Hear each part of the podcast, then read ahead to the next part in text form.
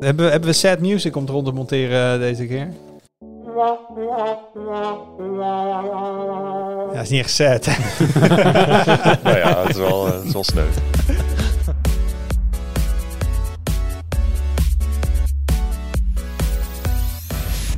Hoi, leuk dat je luistert. Welkom bij een nieuwe aflevering van de Tweakers Podcast. Mijn naam is Wout en vandaag zit ik in de podcast met Julian Huibrecht. Hoi. Met Olaf van Miltenburg. Hallo. En met Arnaud Wokke. Hoi. En het is een klein beetje een verdrietige podcast. Ja. Maar misschien gaan we ook wel... Het moet altijd dingen ook vieren in het leven. Uh, maar de twee heren tegenover mij, uh, Julian en Olaf, die gaan, gaan Tweakers verlaten. Wij nemen dit op op de woensdag. En morgen hebben we nog een leuke borrel en een etentje en alles. En dan gaan we afscheid nemen van jullie. Um, ja. Maar daarom dachten we, ja, dan moeten jullie nog wel ook in de podcast hebben om uit te zwaaien. En waar gaan we het dan over hebben? Uh, nou, we hadden afgelopen twee zaterdagen geleden, denk ik, hadden we onze abonnee-dag. Olaf, daar was je ook aanwezig. Toen bleek dat mensen daar heel erg leuk vonden om wat meer inzicht te krijgen in ja, hoe de redactie werkt en hoe wij dingen maken en hoe verhalen tot stand komen. Klopt. Dus ja. daar willen we eigenlijk bij deze podcast wat, uh, wat bij stil gaan staan. Maar we gaan gewoon, het blijft normaal een Tweakers podcast, beginnen bij de highlights. Erg gelukkig. En ik begin even bij uh, Julian. Wat, wat wordt jouw aller, allerlaatste highlight ooit in de Tweakers podcast? Ja, nou, ik heb weer, weer wat, uh, wat leuks meegenomen. De laatste weken ben ik redelijk, uh, uh, ja, heb ik een soort van nieuwe guilty pleasure ontdekt. Ehm, ik volg het op Twitter, maar het is eigenlijk een subreddit. Weird Del E Mini Generations. we hebben het de laatste tijd wel vaker gehad over die, die AI's die um, beeld maken vanuit tekst input. Ja. En het jammere daarvan is dat die allemaal niet beschikbaar zijn, want dat kost te veel rekenkracht en dat is te gevaarlijk als we er allemaal massaal rare plaatjes mee gaan maken. Maar er is dus een, een mini-variant van Del-E. Uh, die is wat minder geavanceerd, maar die kan je dus gewoon als, als consument kan je die gebruiken. En dan kan je gewoon tekst invoeren. En dan komt daar uh, ja, een wat minder geavanceerd plaatje uit, maar er komen plaatjes uit. En dus dat account dat verzamelt dan de leuke resultaten. Uh, dus je hebt dan bijvoorbeeld... Um, een kiwi, die zowel een vogel is als fruit. dus gewoon alle, dingen die, die, niet bestaan of die je niet kan voorstellen, die krijg je dan te zien wat een AI daarvan maakt. En dat is, ja, dat is heel erg grappig.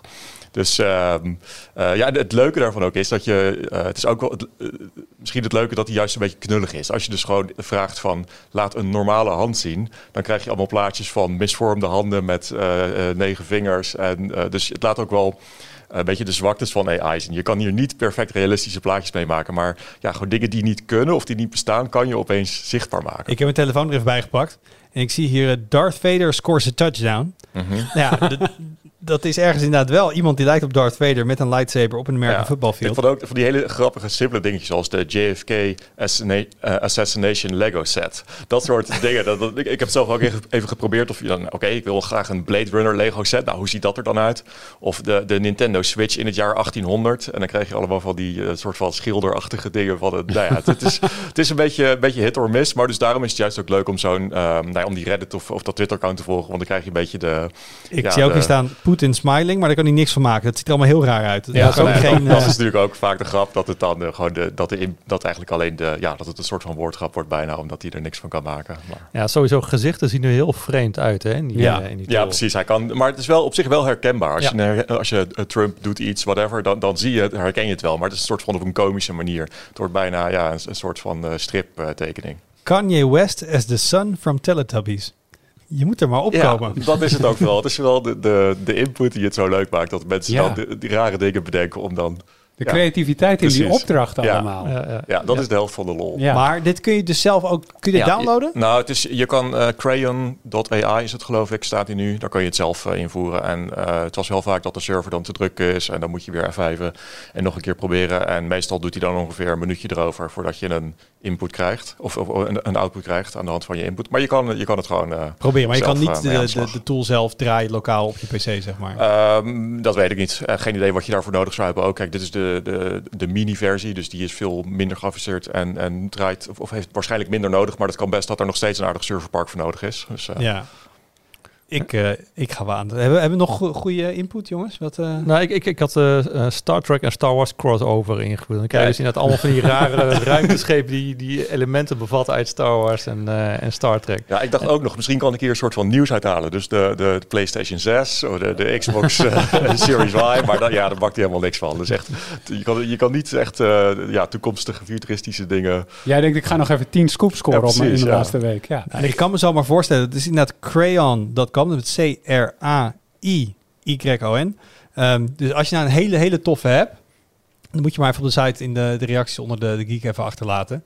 Dan, uh, dan kunnen we even kijken wat we samen met de hive mind van de tweakers community wat voor debiele gekke images. Ja, ik, ik, ik had ook wel het idee dat hoe, hoe complexer je, je input, zeg maar, hoe langer die erop de alsof hij moest hmm. nadenken van, goh, wat ga ik daar nou eens van maken? Want we hebben ze nu weer verzonnen wat ik, uh, wat ik uit moet gaan poepen. Ah, silly humans. ik zie dit vooral als uh, in, in de toekomst als echt leuke tool voor, uh, voor, voor het maken van afbeeldingen voor artikelen. Ja. Want we zitten vaak met hele abstracte onderwerpen over privacy en security.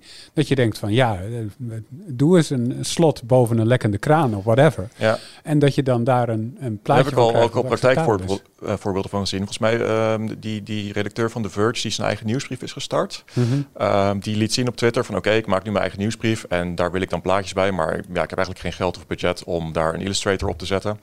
Uh, en die, nou ja, die gebruikt daar dus gewoon zo'n uh, AI-achtige tool voor. Ja. Die dan, nou ja, vul je in het einde van de Internet Explorer. En dan krijg je een toffe graphic daarover. Hmm. En zoiets zelf maken is, ja, dat is best wel arbeidsintensief en, en gedoe. Dat kan aardige dingen opleveren. Ja, dit, dan is DALI redelijk weird af en toe. Je hebt natuurlijk uh, Imagine van Google nu. Ik denk dat dat zou ik dan eerder gebruiken als ik dat kan gebruiken. Ja. Maar we hadden toen ook even over toen we daar hadden. Van dat kan echt het, het vak van illustrator. Ja. Uh, in, in kranten en tijdschriften en dat soort dingen.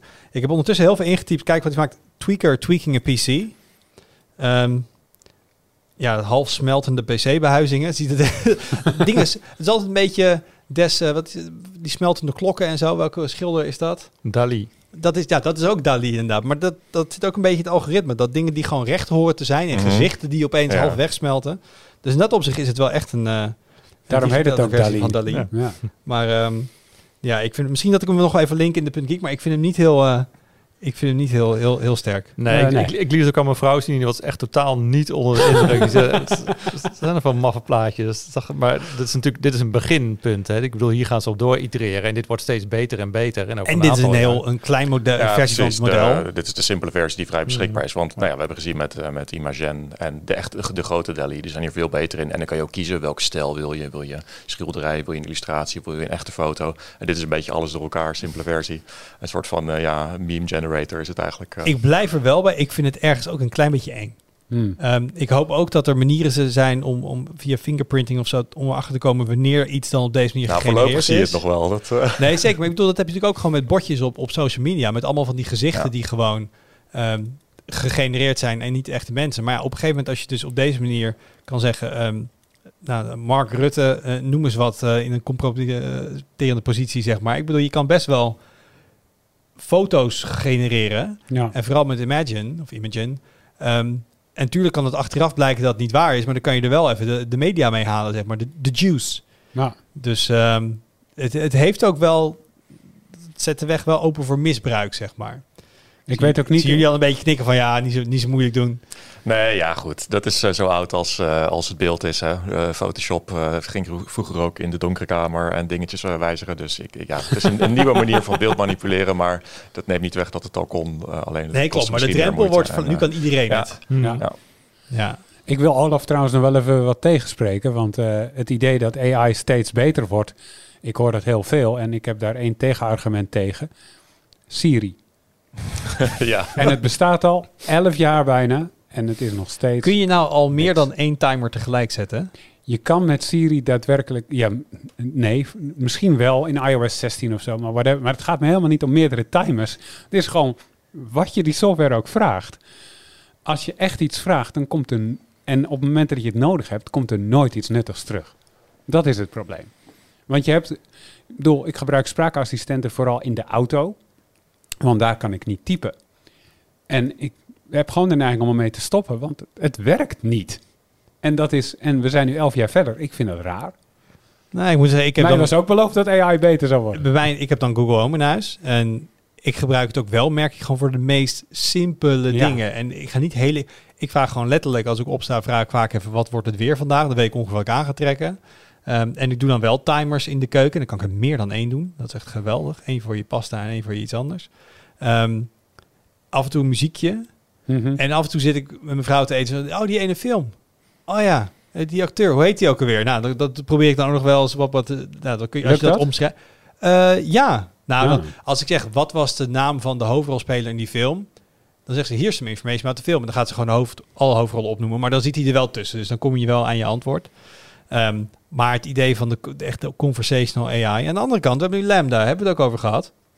Ja, als je maar daar- ook dat is nog prototype en Als je daar een stem aan hangt, dan, dan wordt dat al wat beter. Ja, maar ik snap wel wat Arnoud bedoelt. Het, het gaat een beetje om de horten en stoten. Ik bedoel, Ja. Siri, dat, dat was toen, toen het uitkwam, dacht ik, wow, dit, hè, dit, dit is het begin van iets heel spannends en interessants. En je gaat allemaal dynamische ontwikkelingen plaatsvinden. En daarna bleef het gewoon stil. Alsof, alsof eh, het, het team bij Apple dacht, nou, we hebben ons werk gedaan. eh, Maar terwijl er volgens mij dan. echt wel tientallen tot honderden mensen aan Siri werken. Ja, En dat is, maar dat is toch ook niet leuk dat je dus jaar in jaar uit je hartstikke inzet voor de verbeting van het product. En de eindgebruiker die merkt het niet. ja. Maar het is inderdaad wel opvallend als je kijkt naar de, de jaarlijkse keynotes. Bij Google is het altijd, nou, Assistant kan dit jaar dit en dat en krijgt allemaal nieuwe functies. En bij de Apple keynotes is daar niet zo vaak Siri nieuws Volgens mij was het ook voor het... Meestal zit er wel iets van Siri in. Volgens mij was de afgelopen WWDC keynote een van de eerste keren dat ze gewoon niks over hebben gezegd. Eh, meestal zeggen ze wel, ja, er is dit of dat beter of een nieuwe stem bij of eh, zulke dingen. Maar de grote, de grote stappen, ja, nou ja, nee. En ook als ze die hebben gezet, en dat claimden ze wel eens in het verleden, dan ook was het in de praktijk niet echt merkbaar. Heb bij Assistant dan, heb je met in brede zin bij stemassistenten. Dan hebben ze een feature bedacht waarvan je. Het, is zeg maar de. Hoe ontdek je al de mogelijkheden? Want in een, voor een PC-programma kun je gewoon een lijst van oké, of je kan waar kan je op klikken, het is visueel. Of ehm, nou, vroeger dan, als iets zeg maar DOS-based was, gewoon een lijst met commando's die je in kon tikken. Maar hoe weet je wat ik kan doen met dat ding? En Ja. dan kunnen ze zeggen, ja, maar hij kan nu ook deze vraag beantwoorden. Ja, maar dan moet ik dat wel eerst weten voordat ik dat durf te vragen. Ja, Dus je ontdekt gewoon de functionaliteit zo verschrikkelijk moeilijk. Ja. Ehm, Dat is ook de reden dat veel van die slimme speakers, die, de makers daarvan, zoals Amazon, die was toch vroeg marktleider ermee met die Echo's. En ook Google trouwens. Die maken dan allemaal varianten met een scherm. Want dan kun je dingen zien. en dat is gewoon makkelijker. nou ja, of wat, wat Google Assistant dan doet, dan zeg ik 's ochtends, eh hey, what's, uh, what's the weather today? En dan zeg ik, nou oké, die en die. Oh, wist je trouwens dat ik tegenwoordig ook dit en dit kan? Je hoeft alleen maar dit en dit te zeggen en dan kan ik je helpen. dus dan gaat het ding, ja, heel proactief. Dus ehm, if you want to know more about your day, you can always ask me. Like, nee, het is gewoon weerbericht. I'm good. ja. Maar ik heb het idee dat, dat de aandacht voor die slimme speakers ook wel wat eh tanende is. En misschien daardoor ook wel, omdat die, die, die spraakassistenten maar niet echt een, een goede eh, ontwikkeling doormaken. Ik bedoel, een, tijd geleden was elk bedrijf buiten, ze buiten over elkaar om, om slimme speakers eh, aan Ja. te kondigen. En nu, ja, ik lees Het een paar jaar stil, hè? Ja. Ja. En ik moet er, in de ontwikkeling heb ik het idee dat Google er nog het meest op focust. Mhm. Eh, maar inderdaad, wat is er nieuw bij Alexa de laatste jaren? Weet ik ook niet Had eh. Microsoft niet voor, eh, wat is het, iets van 16 miljard nuance gekocht? Of wat? eh, de- Ja, de- Cortana. Oh, sorry, we vergeten Cortana helemaal. Ja, ook dat. Ja, goed. Maar de, de Microsoft had toch die, die grote overname gedaan van Ja. de spraakherkenningssoftware. Ja. Dus Ja. De, de, ja, misschien komt daar nog wat uit. Nou, ze Ze- hebben Cortana volgens mij of gedevalueerd of helemaal gestopt. Het- Vraagteken. Het, het is geen prioriteit meer in Windows Nee. volgens mij, Nee, het Cortana. is, ze- willen er nog wat mee doen binnen Office. Dat het Ja, inderdaad een precies. specifieke assistent voor Office eh, taken Ja, eh, dus zou Dus mij heb je nu de facto, als je het Apple-ecosysteem zet, heb je Siri, maar Mhm. daarbuiten niet. En dan heb je daarbuiten heb je Google Assistant en, en Alexa. Ja. Bixby. Zeg je? Bixby. Oh, sorry, vergeten we nog zo'n grote naam. Bixby, inderdaad. Ja, hebben, hebben die Samsung-telefoons tegenwoordig nog een Bixby-knop, Arnoud? De powerknop is de Bixby-knop. Ah. Ja. Ja. hmm. En ik zit vooral te wachten tot we iets hebben wat offline werkt. Ik heb denk ik een jaar, anderhalf jaar geleden wel ehm, een beetje gespeeld met eh, ja, open source spraakassistenten die je dus zelf op een Pi kan draaien of zo. Nou, dat, je merkt dan wel dat hier een hele cloud-infrastructuur achter zit en, en, en de, de power of Amazon of, of maar, hè, de, de kracht van Google, dat het echt wel nodig is nu. Maar voor wat Ja. ik ermee doe, zet lamp aan, zet lamp uit, wat is weerbericht, dat hoeft helemaal niet via de cloud te gaan. Nee. Dat, dat zou best wel gewoon lokaal uitgevoerd kunnen worden. Maar het weerbericht opvragen lokaal, dat is nee, weer tuurlijk, maar ook gewoon voor smart homes. Ik zou voor, voor smart home toe, eh, toepassing het liefst gewoon eigenlijk een lokaal Ja. apparaten met lokale software. Maar er zijn wel wat eh, verschillende universiteiten zijn er wel mee bezig. Maar dat is, eh, nou, de laatste keer dat ik checkte, is dat nog echt. en dat geven ze ook toe van ja, dit is echt qua computer science problemen oplossen, is dit gewoon heel ingewikkeld. En dan moet je eigenlijk gewoon heel veel mensen hebben. Misschien moeten we Dali Mini vragen om een goed werkende spraakassistent en even kijken waar die mee komt. Dat gaan we zo doen na de opname.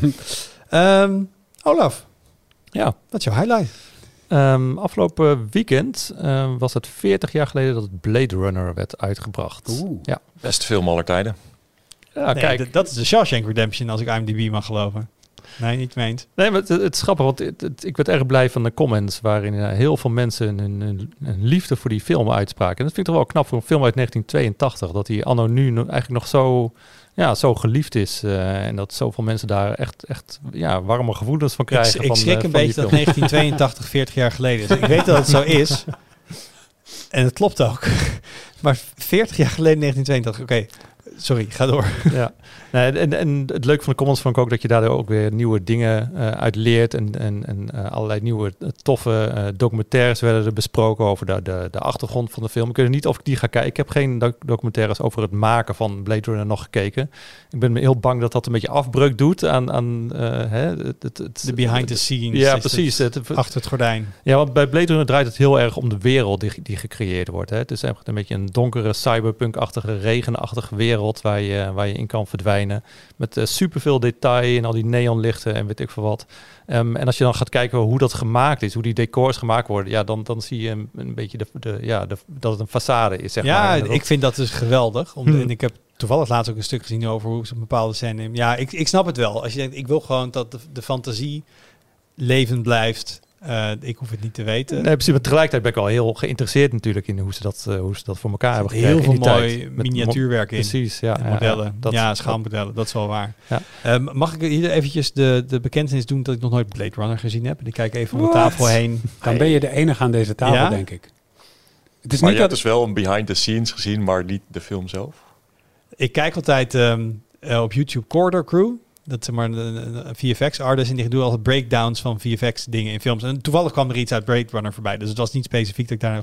Oh, Julian kijkt Nou, echt ik vind het heel wel, erg... Dat is gewoon heel erg zonde. Dan ben je een soort al, al gespoild. Omdat je dan eens, ja, als je nu die film gaat kijken, denk je ja, oké, maar dit zijn allemaal miniaturen. En, en, en- Ja, maar dat vind ik dus niet erg. Hmm. Oké, dan ga die film kijken. Ik moet misschien maar een keertje Blade Runner... Moet Ga ik die dan film ook... niet kijken, Wout. Hij is echt dodelijk saai. Oh, oh, oh, oh. Oh, daar hebben we nog een. Ja, shots fired. Maar die comment zag ik dus ook. Mensen die hem gewoon niet af konden kijken, omdat ze hem vreselijk saai Ja. vonden. Ja. En is 2049 dan goed? Of moet Ja, dat vind ik ook goed. Ik vind hem niet, niet, niet, ne- niet zo goed of beter, maar ik vind het een, een waardige opvolger. Ja, ja, het is echt wel heel anders. Ik bedoel, de- Blade Runner, dat komt op mij op als een hele volle wereld, waar van alles gebeurt, zeg maar. En, en ehm, de opvolger die, die is wat, wat leger en Ja. wat, wat, wat, wat lang, wat langdradiger. Als je het Blade- de eerste saaier. al saai Ja, vond, dan zou je de tweede ja. waarschijnlijk wel saaier vinden. En Ja. er was recentelijk iets met een game, toch? Ja, ja, inderdaad. Ja. Want ehm, er is dus eh, door eh, Night Dive Studios, die het heeft waarschijnlijk omdat het ook 40 jaar hebben ze besloten om een en- enhanced edition uit te brengen van een game uit ehm, wat was het? Eh, in de 90 jaren 90, ergens, halfwege ja. jaren 90 inderdaad. Het was een game van Westwood, de legendarische Westwood Studio. Bekend van Command Conquer. Ja, precies. Ehm, die hadden een hele toffe game gemaakt met eh, vier eh, CD-ROMs volgens mij eh, ehm, was die Ja. op. Ook met, met, en, die, en, en die pakte die sfeer van, het, van de film echt heel goed. Met, met hele toffe ehm, eh, audio-effecten ook erin. Met, met de regen en, en muziek en die heel ruimteklonken en dergelijke. Ehm, en Night Dive Studios vond het een goed moment om eh, daar een remaster van te maken een aantal jaar geleden. Ehm, het probleem was, ehm, de broncode was er niet meer. Westwood had niet meer de broncode van, die- dat is natuurlijk in de loop van de tijd verloren gegaan. Dus, Zonde. precies, dus hoe ga je dan die beelden eh, op een goede manier oppoetsen? Nou ja, dat gebeurde dus ook niet, want de kritiek op de Enhanced Edition was, eh, was niet mals. En ja, ik heb het ook gekeken en het, is echt minimaal wat, wat ze, Ja, dus wat als ze je gedaan die hebben. originele beelden bekijkt, is vrij lage resolutie, maar dan is het pixelig. En dan die remaster ziet eruit alsof er een soort van soft blur filter overheen is Ja, gedaan. precies, Dus ja. dan zie je die pixels niet meer. Maar dan sommige elementen, zoals de personages, hebben dan nog wel die pixels. Dus dan krijg je opeens een menging van, van oud en soort van nieuw. En het zag er niet heel fraai uit. Nee, zeker niet. Want die personages, het lijkt wel alsof ze inderdaad de- de- echt ervoor geplakt zijn. Ja. Voor een soort wazige achtergrond, zeg maar. En in plaats, je, je verwacht dat het heel indrukwekkend is, een remaster. Dat die beelden echt, nou ja, weet je wel, dat het veel mooier allemaal en met meer detail. Maar je, je ziet juist veel minder detail. Ja. Ik bedoel, die, die, die, die pixelachtige ehm, weergave ja, is misschien ook niet vrij, maar je, je hersenen gaan dan vanzelf invullen met allerlei details en zo. En als je dat gaat vervagen, dan, dan gebeurt dat niet meer of zo. Dus ik, ik snap de kritiek heel goed. Plus dat er nog allerlei bugs werden geïntroduceerd in, uh, in de game. Dus, uh, en volgens mij hebben ze nu standaard, als je nu de game op Steam downloadt, dan krijg je de originele versie erbij. Ja. Zo was hij toch? Met, ja, met, is, met ScumVM. Ja, ja, dat was een soort van, van um, uh, door fans verbeterde versie. En die ja, was opeens niet meer verkrijgbaar. En uh, dus dat was ook nog een heel schandaal over. Want ja, die was vervangen. Een soort van overschreven. En als je die dus nu wil spelen, dan kan het alleen maar als je de remaster koopt. Ja. Uh, dus het is, ja, dat verstiert het feestje een, een beetje. Beetje jammerlijk inderdaad. Okay, maar ik moet de film dus zien. Moet ik de game ook spelen of is dat een beetje achterhaalt nu? Poeh, dat vind ik moeilijk. Ik, ik heb hem in de jaren negentig al gespeeld. Dus voor mij is het ook nostalgie. Hè? De nostalgiefactor gaat dan meespelen als je hem opnieuw speelt. Ik weet eigenlijk niet hoe die over zou komen op mensen die hem... Ik denk dat dat... Uh, ik kan me nog herinneren uit, uit de jaren negentig. En dat was heel... Uh, ja, heel... Ik was nog redelijk jong, dus het was ingewikkeld en, en uh, ja, indrukwekkend. Maar als ik het nu zie, dan denk ik... Oei, daar, daar ga ik mijn vingers niet meer aan branden. Ik denk dat, dat, ik, ja, dat dat echt te, te ver terugschakelen is. Ja, en het is een point-and-click. Dus je moet ja. dan inderdaad op allerlei dingen gaan klikken en hopen dat er dan iets gebeurt en zo. Dus... Nou, ik, ik, ik heb laatst nog wat gezegd, die heb ik ook genoemd, Thimbleweed Park zitten spelen. Een game redelijk modern, maar recent, maar dan helemaal in de oude point-and-click staal. Gewoon klikken op open en dan klikken op deur. Ik, ik kon dat nog. Oké. En uiteindelijk vond ik dat ook best wel leuk eigenlijk. En ik denk als ik nu iets als uh, Monkey Island weer zou spelen, ik denk nou ja, als, als, als het verhaal goed is in de, in de gameplay, dan... Uh... Misschien kan je eerst de game spelen en dan kijken of je de film wil zien. Ja, het, het, het, het, verhaal is wel goed, vind ik. Ja, en het heeft ook meerdere eindes. Dus de, de, de replayability is, uh, factor is ook hoog. Is Rutger Hauer te herkennen tussen al die pixels? Of niet? Nee, die doet niet mee in de game. Oh, oké. Okay. het is niet echt een directe replica. Nee, nee, nee. Replicant van de film. Oeh. Ik heb een filmtip. Dus uh, ik hoop niet dat ik te veel haat over me heen krijg dat ik deze film... Ik heb, ik heb dus heel veel films die bekend zijn als klassiekers. Mm -hmm. The Godfather. Nooit gekeken. Mm -hmm. En meer van dat soort dingen. Ik heb uh, Back to the Future pas uh, een jaar geleden zo uh, voor het eerst gezien. Dus, Wauw. je moet ook wat nog overhouden in het leven. Dat is wel waar. Ja, oké. Okay. Um, Arnoud? Ja, als je dan films gaat kijken, Wout... en dat doe je op een streamingdienst... zoals te doen gebruikelijk anno 2022... dan verwacht je dat je de film aanzet... en dat de film dan begint met spelen. Ja, dat is in een notendop mijn verwachting. Ja, en het kan dus zijn dat je een optie krijgt voor abonnementen, waarbij dat dus niet het geval is. Dat ik eerst naar een mooie dikke advertentie mag kijken. Ja, ja. noem het een soort van bioscoopervaring. Weet je wel, dan ga je zitten in je bioscoopstoel, je hebt uh, popcorn bij je, alles. Hoe heet, dat, uh, hoe heet dat ventje die surft over die film? Uh, Jean Majeur, toch? Jean Mineur, Jean Majeur, weet ik zoiets. Met zijn petje en zijn wandelstok. Ja, en, um, en, en, en dan krijg je reclames van de autohandel om de hoek en zo. Um, nou ja, streamingdiensten die, uh, die uh, Netflix en Disney Plus, allebei, die uh, gaan een advertentieabonnement toevoegen aan hun portfolio. En voor Disney is dat zelfs hun tweede abonnement, want ze, ze hebben maar één optie momenteel. Netflix heeft natuurlijk drie abonnementen momenteel. En daar komt dus nog een vierde bij, voor, de, voor Disney is de tweede. En dan, uh, dan heb je dus een optie voor, uh, voor advertenties. En dan kijk je dus advertenties en daarna pas wat je wil kijken. Of tussendoor. Het is nog niet allemaal bekend hoe het precies gaat werken. Dus gewoon à la YouTube eigenlijk. Ja. Gewoon pre-rolltje en dan kun je de video kijken. En misschien een mid-rolltje. En, een, en waarom? Uh, omdat je daarmee de prijs kan drukken van het abonnement. En de gedachte is dat dan meer mensen een abonnement nemen. En dat vinden ze allebei nodig, omdat de groei aan het stokken is. Joh, omdat ongeveer de hele wereld al een account bij je heeft. Niet de hele wereld. Bij Netflix zijn het er 220 miljoen om en erbij. Uh, pin me niet op, op duizendjes vast, maar zoiets is het. Bij Disney Plus is dat ietsjes minder. Uh, en uh, bij Netflix ging dat iets omlaag afgelopen tijd. En bij Disney stijgt dat nog wel, maar veel minder hard dan eerst. Uh, dus het lijkt en zij, en zij denken dat dat een kwestie van geld is. Dus mensen ja. willen het wel, maar ze vinden het op het moment te duur. Ja, ja dat is de gedachte. En dan uh, willen ze dus, uh, nou ja, als we kijken naar Videoland, dat is een, een, Nederlandse streamingdienst van RTL, die heeft dat al gedaan, twee jaar geleden. En die heeft dus een gewoon abonnement nu van 9 euro. Dat is rond de prijs waar Disney Plus en Netflix natuurlijk ook zitten met hun instapabonnementen om en nabij. En die hebben dus een advertentieabonnement van 5 euro per maand. Dus dan heb je een beetje een idee van, oké, deze kant op aan qua prijs moet je dan denken. En ik denk ook dat ze het idee hebben dat we naar een wereld gaan waarin je streamingdiensten eh, eh, gaat eh, verzamelen. Een soort kwartetten met streamingdiensten. Dat je, dat je gewoon meerdere streamingdiensten neemt. Heel veel mensen hebben dat al, heel veel mensen ook nog niet. Ehm, en dat wordt aantrekkelijker om, om het als tweede of derde of vierde streamingdienst te nemen, als het niet zo duur is. En Rondje rond de tafel. Wie gaat hier zijn Netflix? En ik neem aan dat de meeste mensen wel een streamingdienst hebben. Kijk ook even naar Olaf. Ja. Wie zou hier een abonnement downgraden naar een ad-abonnement om dan minder te betalen? Arnoud. Ik zou dat doen met de streamingdiensten die ik het minste gebruik. Dat denk ik wel. Jules? Nee, ik absoluut niet. Ik vind het nu al vervelend dat Amazon Prime bij sommige series zeg maar een soort van pre-roll doet van een andere serie. Dus dan krijg je een advertentie voor een andere Prime-serie die ik helemaal niet wil zien. Dus dat vind ik wel irritant. En ik, ja, nee.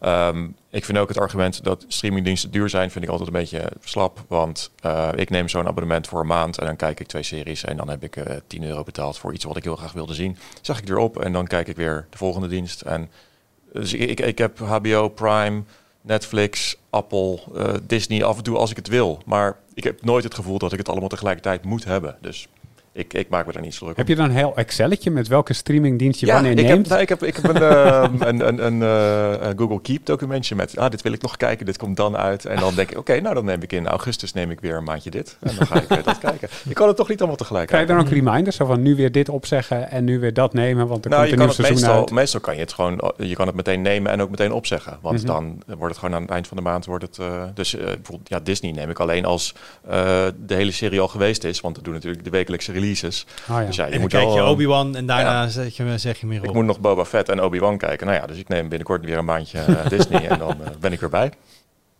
Ja, Oh. met- met, een gezin wordt dat wat lastiger. Dan moet je Ja. met, met de voorkeuren van vier personen rekening houden. Die allemaal weer andere series volgen op andere diensten en eh, dan weet ik veel wat. Nee, maar ik, ik, zou, dat ook, ik zou dat ook niet doen. Ik, ehm, bij YouTube zie ik ook wel eens wat reclame eh, voorbij komen. Maar de YouTube-films, dat, dat, dat heeft niet zo mijn aan. Dat, dat is vaak een beetje op de achtergrond of zo. Of dat, dat, dat zijn vluchtige dingetjes die je even makkelijk kijkt. Maar films en series, daar wil ik echt met mijn aandacht bij, eh, bij zitten. En als dat onderbroken wordt door, door advertenties, dat vind ik dat echt zo vervelend. Maar ik heb ook het vermoeden dat dat ook wel een beetje het, het, de, het idee daarachter is. Hè? Dat mensen dan zo geïrriteerd raken op een gegeven moment door reclames. Dat ze besluiten van ja, hè, met een paar euro per maand meer uh, neem Ja, je je abonnement op het reclameabonnement en dan heb je de upsell naar... Ja, het, het hangt ook enorm af van de implementatie. Want stel je voor je zit Blade Runner te kijken en dat heeft een bepaalde sfeer. En dan komt er eens een schreeuwige reclame voor wasmiddel tussendoor. Ja, dat haalt je er wel echt uit. Dus ik weet niet of ze dat echt gaan doen. Ik kan me voorstellen dat ze daar wel goed rekening mee Ik denk houden. beginnen met pre-rolls. En niet, Ja, dat sowieso. per se een, mid-roll. Eh, ik zou het trouwens ook niet doen. Het wel grappig nog, Olaf, je zegt, hè, YouTube boeit minder. Ik betaal dus voor YouTube. Dat is Mhm. een van de eerste dingen waarvoor ik ben gaan betalen. Want ik kijk redelijk veel YouTube. En elke keer die advertentie zeg ik, ja, dan ben ik echt helemaal zat. Maar ik ken vrij weinig mensen die YouTube Premium hebben. Iemand hier aan tafel? Nope. Nee, maar ik kijk daardoor eigenlijk ook weinig YouTube, want ik vind het schijt irritant al die advertenties. maar ja, ik vind het ook niet zo nodig, want ik heb al die streamingdiensten al, dus ik heb niet ook, ook nog eens tijd om ook allemaal YouTube Ja, te maar kijken. dat is hele andere soortige video's natuurlijk. Ja, Kijk, dat is echt series en zo. En ik zit op YouTube zit ik voor mijn niches. Dus hey, ik vind een bepaalde niche, een bepaald onderwerp, een bepaald kanaal die erover gaat, vind ik Ja. heel leuk. Ehm, dus dat ga ik kijken. Maar op een gegeven moment werd ik zo ziek van. En dan eh één pre-roll, maar soms zijn er twee. Dan denk ik van ja, kom op zeg. Je hebt toch geen tijd voor. Dus toen ben ik maar gaan betalen. Mhm. Is iets heel anders uit mijn hoek. En want ik zat te denken, wat, wat is nou een, een highlight eh, voor mij van de laatste tijd? Wat heb ik meegemaakt? En ik zat vorige week niet in de podcast. Klopt. Ehm, dat is omdat ik in Engeland zat. Ehm, wij krijgen vaak genoeg uitnodigingen eh, van bedrijven voor eh, persreizen of reisjes of tripjes. Of we dingen willen komen bekijken. Kan een nieuw product zijn of eh, hè, kom een keer in de fabriek kijken of iets anders. En dit was een uitnodiging om ehm, in de fabriek van Red Bull Racing meer te leren over hoe zij omgaan met data en simulaties en IT en nou, alles wat erbij kwam kijken. Dus dacht ik, ja, dat klinkt leuk. Tweakers is geen Formule 1 site. Maar wij houden wel van alles wat met computers te maken heeft. En dat speelt natuurlijk een gigantische rol tegenwoordig in de F1. Dus ehm, ik ben erheen gegaan. En we gaan zo meteen natuurlijk hebben over hè, hoe werkt de redactie een beetje. Hoe maken we verhalen? Wat komt erbij kijken? En dat is misschien ook wel leuk, soort toch een kijkje in de keuken. Want soms valt een trip ook gewoon tegen. Mhm. Ehm, nou ben ik best wel Formule 1 fan. Dus ik vond het leuk dat we die kans kregen. En ik heb daar allemaal leuke dingen gezien. Alleen... Ehm, het hangt heel erg van bedrijf tot bedrijf af met waar we te maken hebben, van hoeveel informatie je krijgt. Ik denk dat het, het allergrootste voorbeeld is Apple. Ja. Ehm, Apple vertelt dingen, maar aan Apple kun je niet echt vragen stellen. Je kan het proberen.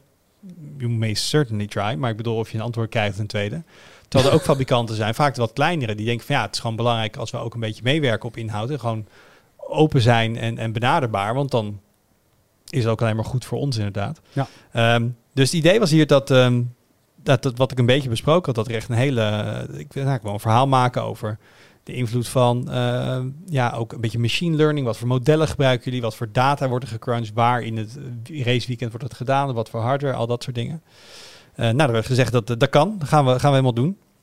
En toen kwamen we daar en toen gingen we de factory tour doen. Ik denk, nou, best wel interessant. Dus elke keer als we ergens stil stonden, ging ik, ik was echt wel gewoon, ik had besloten, ik word gewoon dat irritante jongetje voor in de klas die elke keer zijn hand opsteekt. en gewoon eigenlijk een soort één op één met de meester wil. Ik denk, ja, ik, ik heb nu een kans. Uh, ik ga gewoon die, die, die gast die rondleidt uh, het hemd van het lijf vragen. Um, maar die was heel erg bedreven in in zoveel mogelijk verschillende bewoordingen nee zeggen. Of gewoon vragen te ontwijken. Ook een kunst. Ja, ja. Dat, dat is ook uh, een kunst inderdaad. En dat vond ik erg, ja, vond, vond ik erg jammer dus. Want ik heb daar allemaal hele toffe dingen gezien.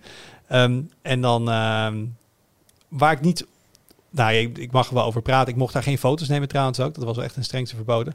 Maar waar je zegt van oké, dat is een leuk feitje. En dan wil je erop doorvragen. En zegt ja, maar dan gaan we niet. Wat ik, wat ik gewoon heel grappig vond, op een gegeven moment zeiden ze ja, um, die auto's die komen binnen na een sessie en er zit allemaal data op. Want er zijn 300 sensors op zijn auto. Nou, en dan gaan we allemaal die data crunchen. Oké, en hoeveel komt er dan vanaf? Nou, iets van 400 gig of zo. Nou, oké, interessant. En toen bedacht ik me gewoon, hoe werkt dat? Is dat USB 3? Is dat Thunderbolt?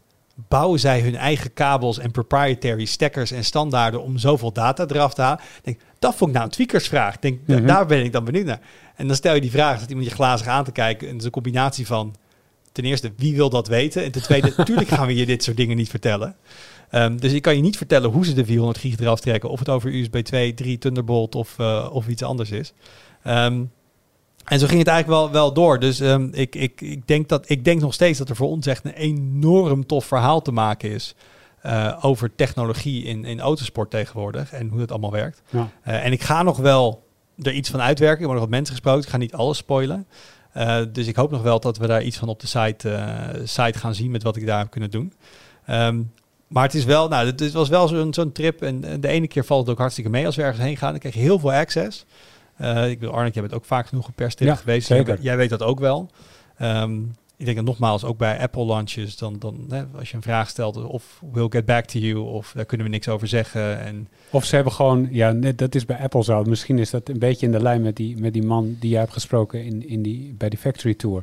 Dan hebben ze een bepaalde uh, lijst van, van dingen die ze, die ze bespreken, die ze mogen bespreken en ook die ze willen bespreken. En elke vraag buigen ze dan om naar dat antwoord. Dus dan is het, ja, dat is ook interessant. Maar weet je wat ook interessant is? En bla bla bla bla bla. Dan gaat het over iets wat er een beetje mee te maken heeft, maar toch ook weer niet. Ja, dat en was zeker hier, geen antwoord. Dat was bij deze tour ook de, de huidige hoofdsponsor van Red Bull doet ook iets in de IT. Dus die kwam natuurlijk ook elke keer terug dat dat, dat, Mm. maar heel belangrijk was. Uh, maar soms zijn we ook bij bedrijven die juist heel open zijn en die denken, Ja. hey, maar dit is een kans, want nu kunnen we gewoon, er zijn mensen hier met interesse in wat we doen. Dus ehm, ik ga er nog binnenkort naar kijken of ik er wat, eh, wat van kan bakken. Het zal wat, een wat korter stukje worden. Het zal niet eh. het, het Wikipedia-lemma worden over hoe een F1-team met, eh, met technologie en data omgaat. Ja. Ehm, Maar de, de beste tripjes zijn die waarbij ze inderdaad technische mensen gewoon mee laten lopen. Die je dan eh, aan kan nou, spreken. en die ook wat, die mogen zeggen. Ja, ja, en vaak lu- luisteren de, de PR-medewerkers uh, luisteren wel, maar omdat ze toch niet weten waar het dan over gaat, denken ja, het zal wel goed zijn, laten we maar, eh, laten we maar praten.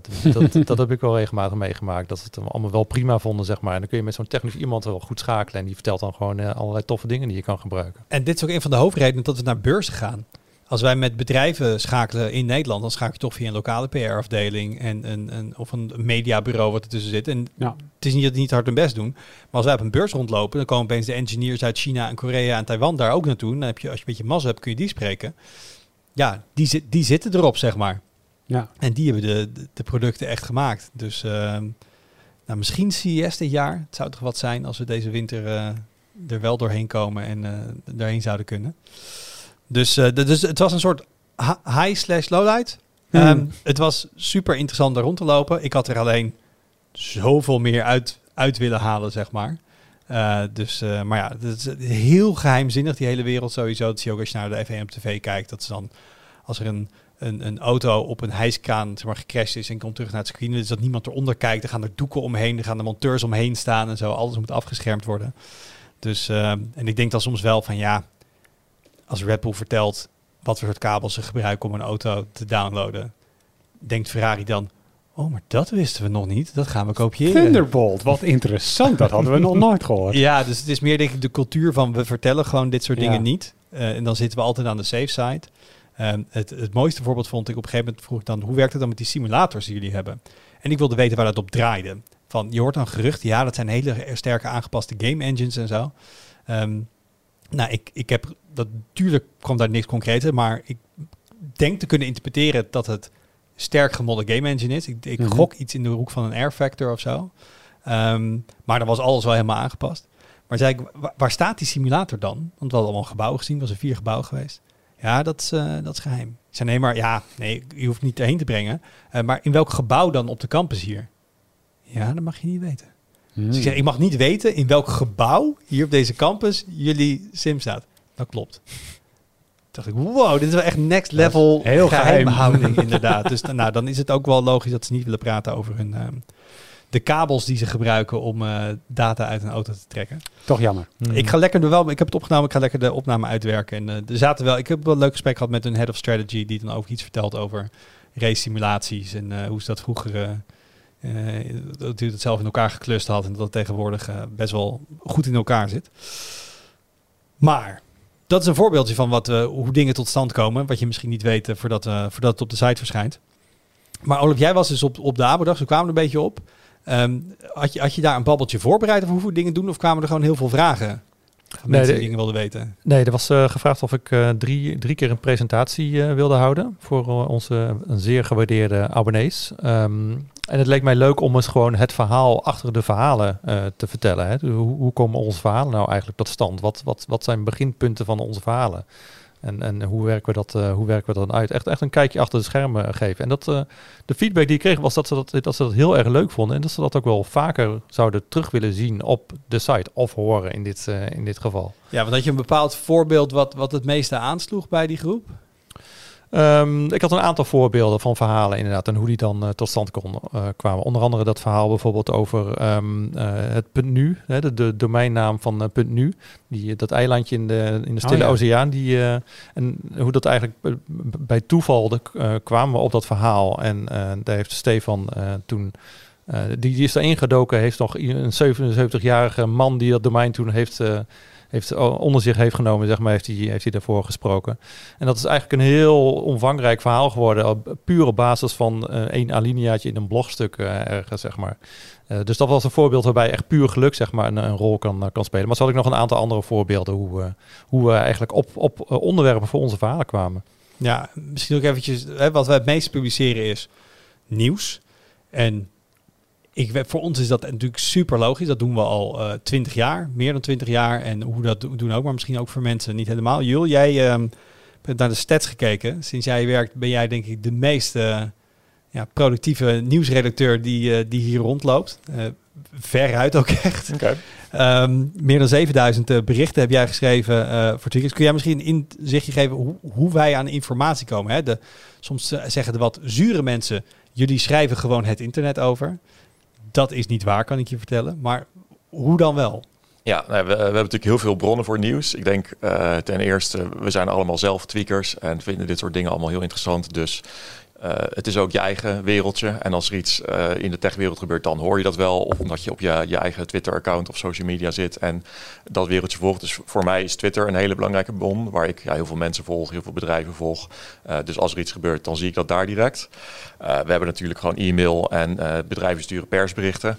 Als we een beetje geluk hebben, komt dat onder, onder een embargo binnen. En dan weten we het al van tevoren. En dan kunnen we het eh, nou ja, om drie uur 's middags meestal eh, precies op tijd publiceren. Dat het al, eh, ja, dan. eh, dat, dat, dat is wel echt handig dat, dat je van tevoren iets goed kan voorbereiden. In plaats van eh, ja, dat je eh, zomaar. Tegen de daar- klok in moet schrijven. Precies, er zomaar achter komt dat er allemaal nieuwe dingen zijn uitgekomen. Want de, Ja. deadline, de deadline is altijd vijf minuten geleden.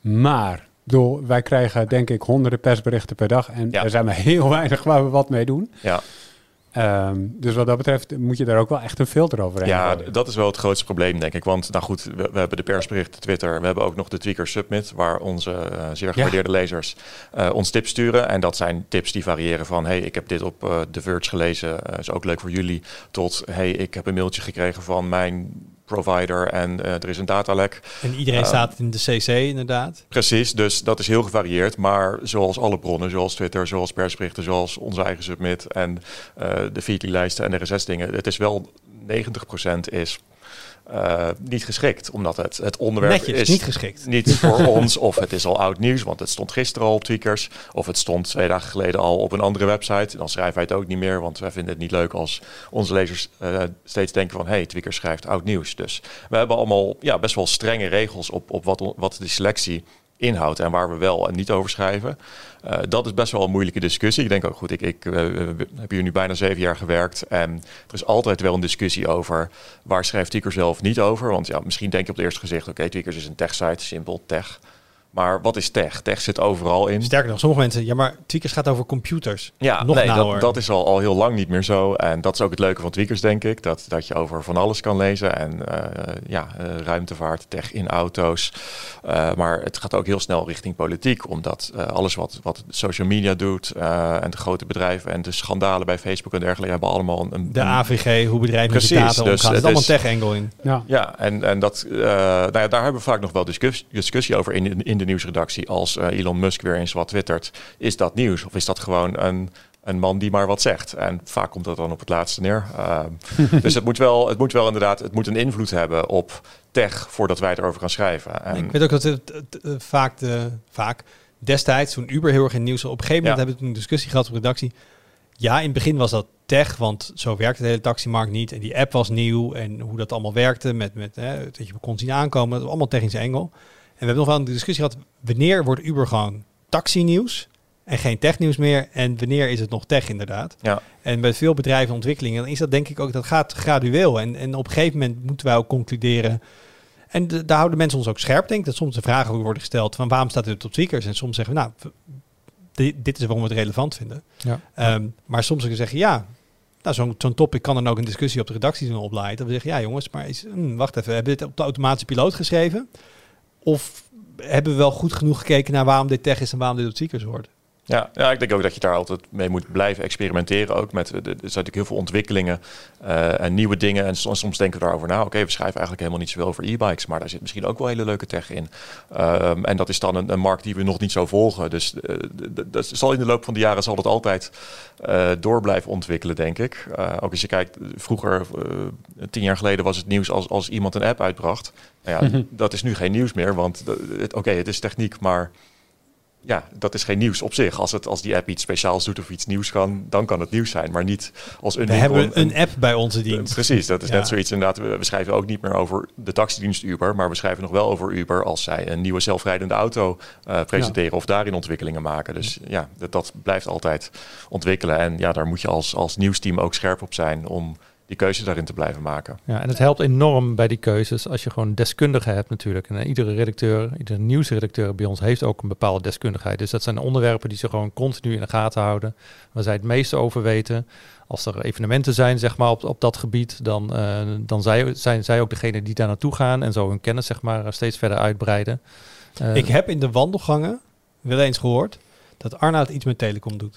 Nou, ik weet niet waar je dat vandaan hebt. Interesseert me helemaal niks. Schijnt er een boek over geschreven te hebben. Nee, maar dat is een goed voorbeeld. Dus ik denk dat mensen die veel op tweakers komen weten dat ja, Arnoud, jij zit in de wereld van alles wat met telecom, mobiel, smartphone. Ja, maar en voor reviews, eh, eh, eh, Arno komt natuurlijk ook van de reviewkant. Je heeft heel lang smartphones. En daar is het natuurlijk, hè, daar, is het heel logisch. Ehm, maar bij nieuws heb je wel het probleem dat zo iemand niet altijd aanwezig kan zijn. Die heeft ook vrije dagen, die heeft ook andere bezigheden. Waar die, en dan kan er natuurlijk wel nieuws op dat vlak zijn waar je bepaalde kennis voor nodig hebt. Dus aan de En ene dan? kant hebben we eh, de, experts op bepaalde gebieden. Maar aan de andere kant moet iedere nieuwsredacteur moet over, in principe over alles kunnen, kunnen schrijven natuurlijk. Over alle nieuwsberichten. En daar gewoon goed nieuws van, van kunnen maken.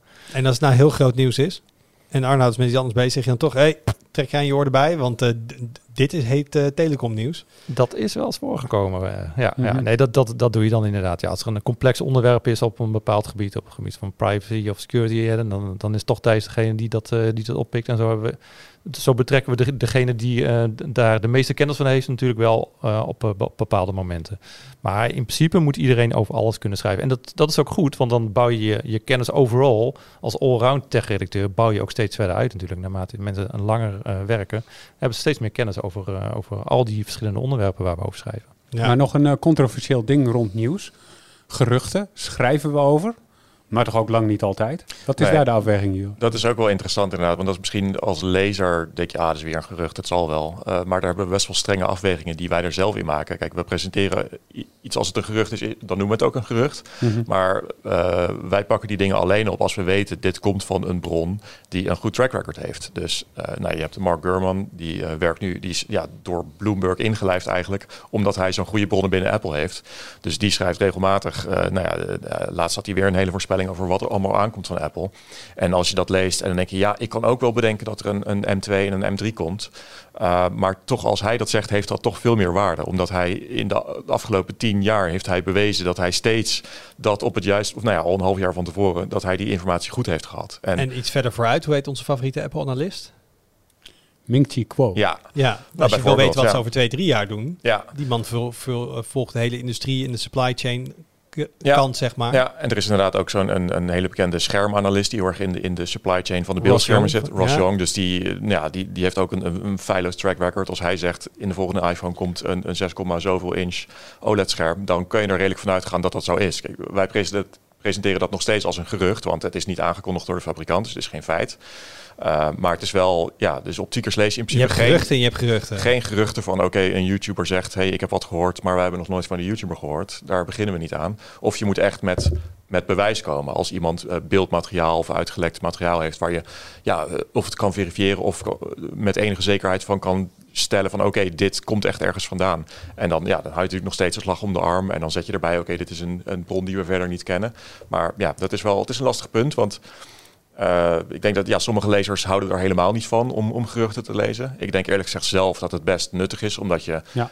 met die goede bronnen kan je echt een goed beeld krijgen van wat er de komende tijd gebeurt. Want in de techwereld is het zeer, zeer zeldzaam dat er nog dingen uh, ja, als verrassing aangekondigd worden. Ik bedoel, wanneer is de laatste keer dat er een, een, een nieuw Apple-product uh, is getoond waarvan je niet wist dat het er al aan zou komen? Dus ik, ik kan het me niet herinneren, denk ik. Dus, um, Misschien de AR-glasses volgend jaar. Ja, nou ja, daar lezen het er we, nu al over. Daar lezen we al vijf jaar over. maar dus, die nog niet gezien hebben dan. Nee, oké, okay, maar het is ook niet per se gezien. Maar de, ja, je, je, een de omschrijving echt, is echt complete verrassing. Ja, een, een nieuw product. One more thing ja. is, uh, ja. is, is De HoloLens van uh, zes jaar geleden van Microsoft, Ja. Olaf. Hm. Dat was wel echt een verrassing toen. Ja, dat was, die hadden ze inderdaad uh, behoorlijk goed uit uh, onder de pet gehouden. Ja, Ja. dat klopt. Ja. Ja. Nou, dat doet me ook denken aan um, uh, die, die berichten over Dell-producten die ik, uh, die ik lang schreef. Toen zat ik aan de andere kant van, uh, van de lijn, zeg maar. Um, voor de niet-ingewijden, ik, ik had jarenlang een bron binnen Dell die mij van informatie voorzag over komende Dell-producten. En er zaten hele leuke dingen bij over nieuwe monitoren, over nieuwe laptops, over het tablet waar ze mee kwamen. Toen ze nog helemaal geen tablet hadden, zeg maar. Uh, toen bracht ik dat als, uh, als eerste. En toen zag je andere sites inderdaad daar ook uh, dat zag je, daarover berichten. En inderdaad onder een rumor. Hè, nou ja, we, hebben vaker dat soort dingen gehad. Inderdaad, ik heb nog een paar jaar geleden kreeg ik van, van een anonieme tweaker kreeg ik een, een document van Dell. En daar stonden twee roadmaps van Intel in. En onder andere, nou ja, dat Intel over drie jaar nog steeds processors op 14 nanometer zou maken. Nou ja, dat uh, bleek, ja, is, bleek waar te zijn. Precies, dat, dat is ook allemaal uitgekomen. En dat is natuurlijk helemaal leuk als je zelf dat soort informatie kan, uh, kan krijgen. Uh, maar dat is natuurlijk ook best wel een, een, lastig, uh, een lastig punt. je gaat niet, niet daar zelf mensen voor benaderen of zeggen van... hé, hey, kun je onder de tafel iets, iets doorschuiven en dan zet ik er iets tegenover. Ik bedoel, je moet natuurlijk wel de, de journalistieke ethiek daar... Uh, ja, ja, daar in, in maar als mensen houden. ons willen tippen, als wij bij uh, deze, werk je op ja. een leuke plek. Het had misschien ook een goed bruggetje te maken daar, want je had het net over, hè, we hebben onze nieuwssubmit. Uh, dus je kan inderdaad, als je bovenaan de nieuwslisting kijkt, kun je ons tippen. Nou, dat komt bij ons in het CMS, komt dat binnen, Olaf. Um, misschien goed wel om een idee te geven wat, wat we daarmee doen en hoeveel we daarmee doen. Uh, met, met, met die dagelijkse stroom uh, Ja, hoeveel daarvan eigenlijk wel niet het eh, ja, omgezet wordt en uitgewerkt wordt. Ja, ongeveer, ongeveer een kwart, eh 20% à 25% eh, die eh, wordt tot een nieuwsbericht eh, gemaakt. En soms doen we ook nog wel achteraf. Hè. Dan, dan werken we zelf al aan een onderwerp. Dan komt het eh, na de hand komt een submitje bij. Nou, als bedankje eh, voeg ik dat toch nog wel eh, vaak toe aan het, eh, aan het bericht. Maar dat is voor ons echt een wel een belangrijke stroom onderwerpen. Waar we, het, het helpt ook enorm om, om een beetje gevoel te krijgen van wat, wat, wat lezers graag willen, willen zien op de site. Ja. En welk onderwerp hen, eh, hen interesseert. En als iemand nu luistert en denkt, nou, ik submit best wel veel en ik zie het niet heel vaak terugkomen. Wat zijn nou de hoofdredenen voor jou, voor het team, om een, niks te doen met een nieuw submit? Ehm, vaak is het eh, simpel voor ons te laat. Hè, dan, dan, was het, eh, dan was het gisteren nieuws. Nou, ja, mensen valt dat nu pas op en submitten het. Maar voor ons is het dan al eh, nieuws van gisteren. Dus dat, dat brengen we dan niet meer. Ehm, sommige onderwerpen vallen ook gewoon buiten onze scope, om het, eh, om, om het zo maar te zeggen. Dat zijn hele specifieke onderwerpen eh, wa- waar we zelf niet goed in thuis zijn. Wat je dan eigenlijk ook maar voor een heel klein deel van je, van je lezerspubliek zou, eh, zou schrijven. Hè. Dat de tijd eigenlijk gewoon niet waard is om daar helemaal in, in thuis te raken. Dat of zijn- gewoon niet nieuwswaardig. Ik bedoel, we zeggen dan zelf, tech is heel breed, maar soms krijgen we echt elke scheet van Elon Musk in de nieuwe submit. En denken van ja, leuk dat Musk dat zegt, maar Ja, ja. is gewoon geen nieuws voor ons. Ja, en, en wat ook een belangrijke reden is waarom mensen dan hun submit niet, niet opgepikt zijn, althans, althans niet met hun naam, is ehm, de, als er een belangrijk nieuwsfeit is, ja, dan stromen Ja. de berichten binnen. Dan, dan zitten er iets van 20 nieuwssubmits zitten erin. Ja, we pakken Ja. dan de eerste ervan, zeg maar. En de overige, ja, heel erg bedankt. We weten dat het belangrijk is, we pakken het op. Maar jouw naam komt er dan niet bij te staan. Je helaas. medetweakers die waren net wat eerder. Mhm. Ja. Hey, dat gaat over, ehm, over nieuws. Uh, Julian, je hebt ook veel, nou, jou ook Olaf, eh, achtergronden geschreven. Eh, je hebt bijvoorbeeld helemaal in de Perseverance rover gedoken. Mhm. Ja. Hoe, hoe komt dat tot stand? Ja, nou ja, als je met nieuws bezig bent, dan, dan komt er natuurlijk van alles voorbij. En eh, onze ja, dagindeling is, is een beetje zo ingedeeld dat je een deel aan nieuws besteedt, of een dag aan nieuws besteedt en een dag aan, aan langere achtergrondartikelen. Ehm, en dan, ja, dan kijken we, oké, wat zijn de dingen die leven? We kunnen natuurlijk gewoon naar de statistieken kijken, wat goed gelezen wordt op Tweakers, waar mensen heel veel op reageren. Of wat gewoonweg hele ja, interessante technologische ontwikkelingen zijn, zoals wij dat zelf vinden. En dan, eh, ja, dan denken we, oké, daar gaan we een, een langer verhaal van maken, als, eh, als ja, dat zich ervoor leent. Uh, en dat is wel een van de verhalen die ik de afgelopen jaren gemaakt heb, inderdaad, over de, de Mars Rover Perseverance, die mij heel erg, ja, mij heel erg bijgebleven. Vond ik heel leuk om te maken. Er kwamen ook hele leuke reacties op, dus dat is ook altijd fijn. Um, en dat vond ik echt wel, kijk, dat, dat is zo'n contrast met schrijven over Apple-producten of, of andere grote bedrijven. Zo'n, de NASA ja, maakt alles openbaar. En elk onderdeel van die rover wordt dan weer gemaakt door een andere universiteit. En die universiteiten hebben allemaal uh, een team die daar een, apart blog en website over hebben en papers publiceren. Dus je kan elk onderdeeltje kan je tot in de puntjes kan je uitpluizen. En dat is allemaal uh, openbaar beschikbare informatie. Um, ja, dus het is een hele leuke manier van werken om dan dat allemaal te verzamelen en dat dan samen te vatten in een uh, ja, beetje een begrijpelijk, leuk lezend artikel. Uh, dus dat is dan zeg maar de, de, journalistieke taak daarin. En ja, het mooiste is natuurlijk ook als je uh, dan nog mensen kan spreken die daar uh, nog unieke informatie over, over vertellen. Dat is bij, bij de NASA dan weer wat, wat lastiger dan, dan bij lokale initiatieven. Maar ik heb bijvoorbeeld ook een artikel geschreven over de, de robotarm van de, van de ESA. Um, en dan kon ik gewoon langs bij, uh, uh, bij de ESA in Noordwijk en praten met de projectmanager die daar tientallen jaren aan heeft gewerkt. En ja, dat zijn echt hele leuke gesprekken, omdat dat uh, ja, de mensen zijn die ook helemaal niet zijn opgeleid om PR-praatjes te houden, maar gewoon echt vertellen waar het over gaat. Nou, daar komt ook terug wat we net zeiden over hè, soms of je ergens veel of weinig uit een interview of trip haalt. Ik denk als je een engineer kan spreken die enthousiast is over, over zijn werk, ja. en er zit niet iemand naast die hem zeg maar uh, censureert, dan, dan kun je hele leuke gesprekken hebben. Ja. Dan kun je lekker samen ja. En dat, dat is denk ik ook het leuke aan voor tweakers werken, is dat ook heel veel misschien mensen in dat wereldje heel erg gewend zijn aan dat ze aan dumping down moeten doen. Want er komt iemand langs van, uh, van de NOS of de krant en ze moeten een, een, een technisch ingewikkeld verhaal moeten ze naar het grote publiek brengen. En dan ja, alle leuke technische details die vervallen dan, kan je niet over hebben. Maar wij kunnen juist zeggen van, oh, vertel meer en ga, hoe werkt dat dan precies? En dat vinden onze, onze lezers juist leuk. Dus ik denk ook wel dat het voor uh, nou ja, de mensen die wij spreken en interviewen ook wel een soort van leuk is. En dat dat hun misschien wat meer enthousiasmeert, omdat zij ook voluit kunnen vertellen. Dus ja, dat, dat is vaak echt een, een hele goede match. Ja, nou dit kon jij dan inderdaad met heel veel, uh, zoals desk research ook doen. Uh, Olaf, ik denk een van jouw nou, toch hoogtepunten van de laatste tijd, voordat je iets anders gaat doen, was het interview met de topman van de ASML. Mm -hmm. um, hoe, kom, hoe kwam die zeg maar, zomaar op je pad terecht? Ehm, dat begon in november vorig jaar met een e-mailtje van eh, de communicatieman van, van ASML. Die mailde me met, uh, hey Olaf, um, ja, ik kom al vaak op Tweakers en ja, het valt me op dat jullie echt goede verhalen over ASML en EUV en chipmachines schrijven. Nou, dat, dat, dat klopt ook, denk ik. Hè. Willem de Moor bijvoorbeeld heeft een aantal hele goede verhalen geschreven over hoe chips worden gemaakt en hoe EUV nou precies werkt. Um, en hij stelde voor van, um, ja, ik wil proberen, zo zei het ook echt, om een interview te regelen met onze technisch topman, Martin van den Brink. Um, maar hij zei ook van ja, ik heb nog niet gepitcht, dus we moeten het ook een beetje voorzichtig brengen. Dus ik dacht, oké, okay, hoezo dat? Maar goed, hij, had, had, hij, vond, hij vond het een leuk idee in ieder geval om dat uh, om te doen. En dat was wel bijzonder, omdat Martin van den Brink, ja, die geeft nooit interviews eigenlijk. Uh, jaarlijks hebben we de mogelijkheid om bij de, um, de jaarcijfers van ASML de, de CEO te spreken bijvoorbeeld. En soms nog wat andere technische mensen, zoals uh, in, in, januari ook de, de, topman van EU4 gesproken. Maar Martin van der Brink, dat is echt, die, die, werkt er al zijn hele leven. Die heeft, die heeft alles meegemaakt. Die is technisch op de hoogte van alles wat daar gebeurt, zeg maar. Ja, en die geeft ze zeer zelden geeft die, uh, geeft die interviews. Dus, um, en het viel me op dat de communicatiemedewerker uh, uh, ook zei: ja, ik, ik, ik, ga, ik moet dat gaan pitchen bij, bij Martin. Zo van, hè, we, we, moeten eigenlijk het is ook niet zijn hobby, zeg maar. Nee, precies. Nee, nee, precies. Dat, hij moest echt even duidelijk maken van, goh, hè, dat, dit is een site waar, waar je je verhaal wel, wel kwijt kan. En dat is misschien wel goed om dat, om dat, eens, om dat eens te doen. Maar dat was dus al in november. Nou ja, um, toen een um, aantal keer gesprekken gehad met de communicatieafdeling van, goh, hoe, uh, ja, Olaf, hoe zou je dat willen insteken dan? Wat zou je dan willen doen met dat interview? Want er moet dus echt een, een hele voorbereiding overlegd worden aan die, aan die CTO, zeg maar, voordat hij daar ja op zou, uh, zou zeggen. Dus we moesten dat goed bespreken.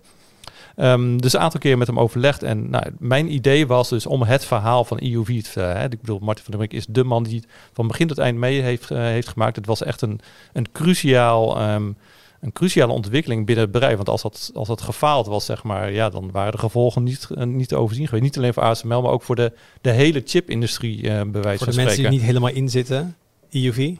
Um, ja, dan moet je het artikel lezen.